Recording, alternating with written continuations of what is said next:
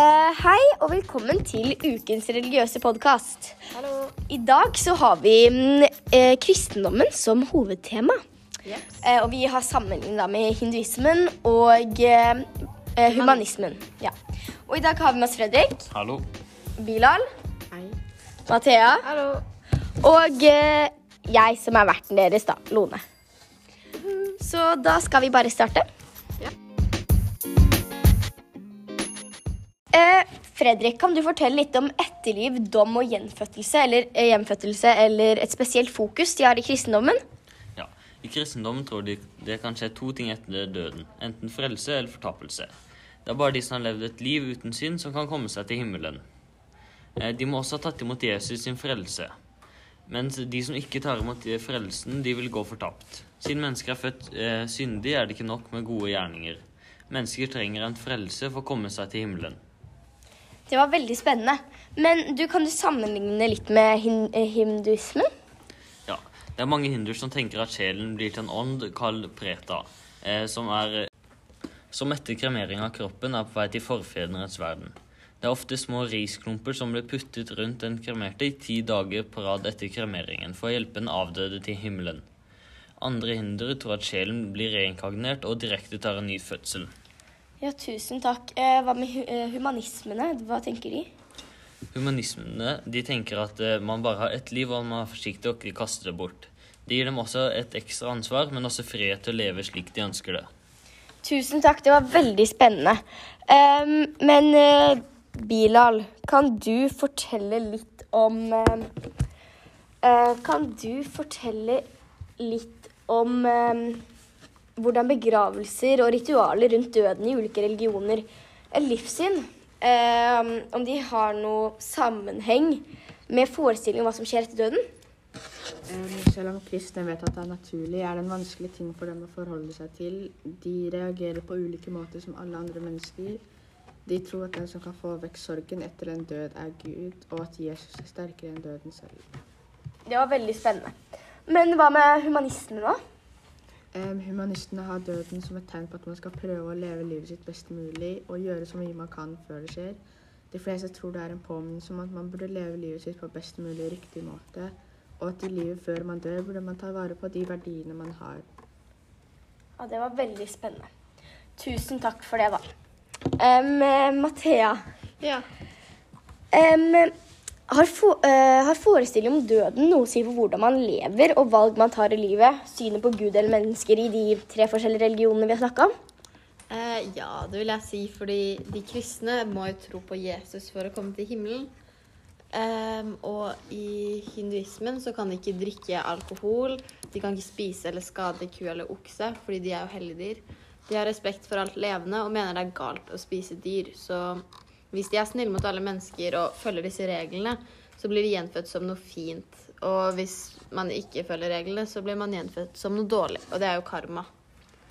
Ja, det var veldig spennende. Og også humanistene tror jo på at de bare lever én gang. Så derfor tror jeg nok at de på en måte setter veldig mye pris på det ene livet de har, og bruker det godt.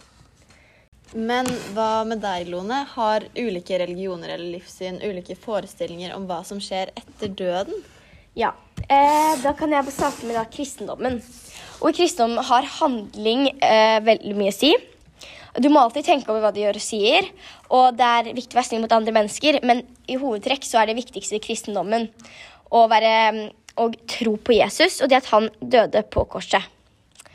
Eh, og kristne tror på noe som heter himmel og helvete. Og det, eh, det, det de mener med det, da, er hvis du har levd et fint liv der du har vært snill mot alle og har, eh, har trodd på Jesus og det at han døde på korset, så kommer du til himmelen, og, eh, og da kommer du til himmelen for å leve evig i paradis. Men hvis du ikke har trodd godt nok på kristendommen at Jesus døde på korset, og du har ikke tenkt over handlingene dine så mye, så kommer du ned til helvete, der du, der du lever et evig liv i underverdenen.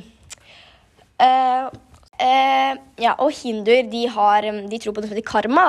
Og det er det, det de gjør mot andre, det skjer tilbake. Og dette kan jo være ganske likt som kristendommen.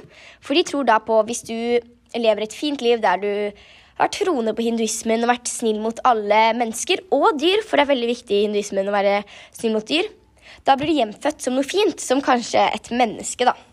Men hvis du ikke har fulgt reglene til hinduismen, da, og du har ikke vært troende på religionen din, så, kom, eh, så blir du gjenfødt som noe dårlig, da. Som f.eks. en mark eller maur. Eh, Og dette her, som jeg fortalte i innledninger, innledningen, dette kalles da karma. Eh, og her så kan jo dere se at kristendommen og hinduismen de tenker jo ganske likt, bare med at det er forskjellige konsekvenser. Men eh, kristendom og hinduismen de er ganske annerledes forhold til humanismen. Fordi i humanismen så tror de ikke at noe overtroisk skjer etter døden.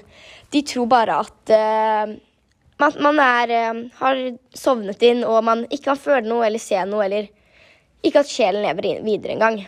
De tror at, eh, at hele deg har dødd, da. At du aldri kommer tilbake. Eh, og så utgangspunktet til humanistene, det er jo at, eh, at eh, vi er en del av naturen. Og de er født frie med samme menneskeverd og rettigheter, utstyrt med samvittighet og fornuft. Og de mener at dette er det eneste livet vi får, da, så dette må vi bruke veldig godt. Og her kan du se at, det er en stor forskjell fra kristen og hinduismen. Fordi de tror, de tror at det er bare kroppen som dør, og sjelen lever videre. Men eh, eh, Mathea, Ja. kan du fortelle litt om hinduistisk begravelse? Ja, det kan jeg. Um, I uh, hinduismen så skal den døde helst kremeres samme dag, fordi den døde kroppen regnes som uren. Og familien til den døde er også uren inntil kremasjonsritualet er avsluttet. Uh, den eldste sønnen og noen ganger andre mannlige nære familiemedlemmer barberer seg og klipper håret, faster å ta på seg hvite klær, fordi hvit symboliserer sorg. Og formålet med likbrenningen er å gi kroppen en verdig avslutning og befri sjelen fra menneskekroppen. Ja, dette var veldig spennende, fordi i kristendommen så tror de på at svart er for sorg, og hvit er jo for lykke, da. Så når man gifter seg, så har man på eh, hvite brud- brudekjoler og eh, svarte klær i begravelser.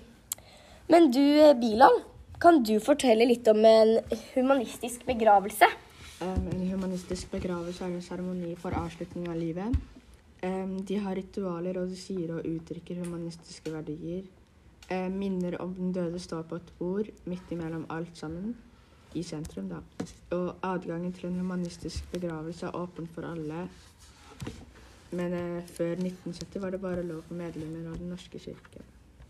Ja, tusen takk. Det var også veldig spennende. Hva med i en kristen begravelse da, Lone? Kan du noe om det?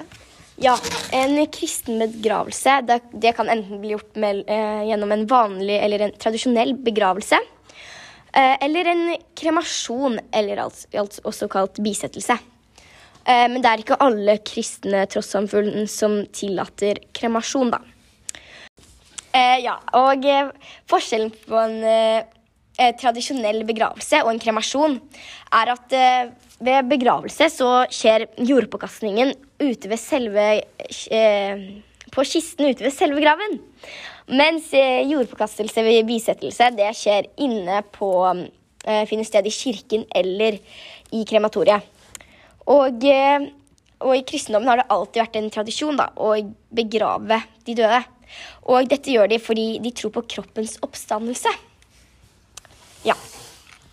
Det var alt for denne uken. Neste uke skal vi snakke litt mer om islam. Tusen takk for at du så på, og ha en god kveld videre. Eller morgen. Eller dag. Eller ettermiddag. Eller natt. Ha det! Ha det.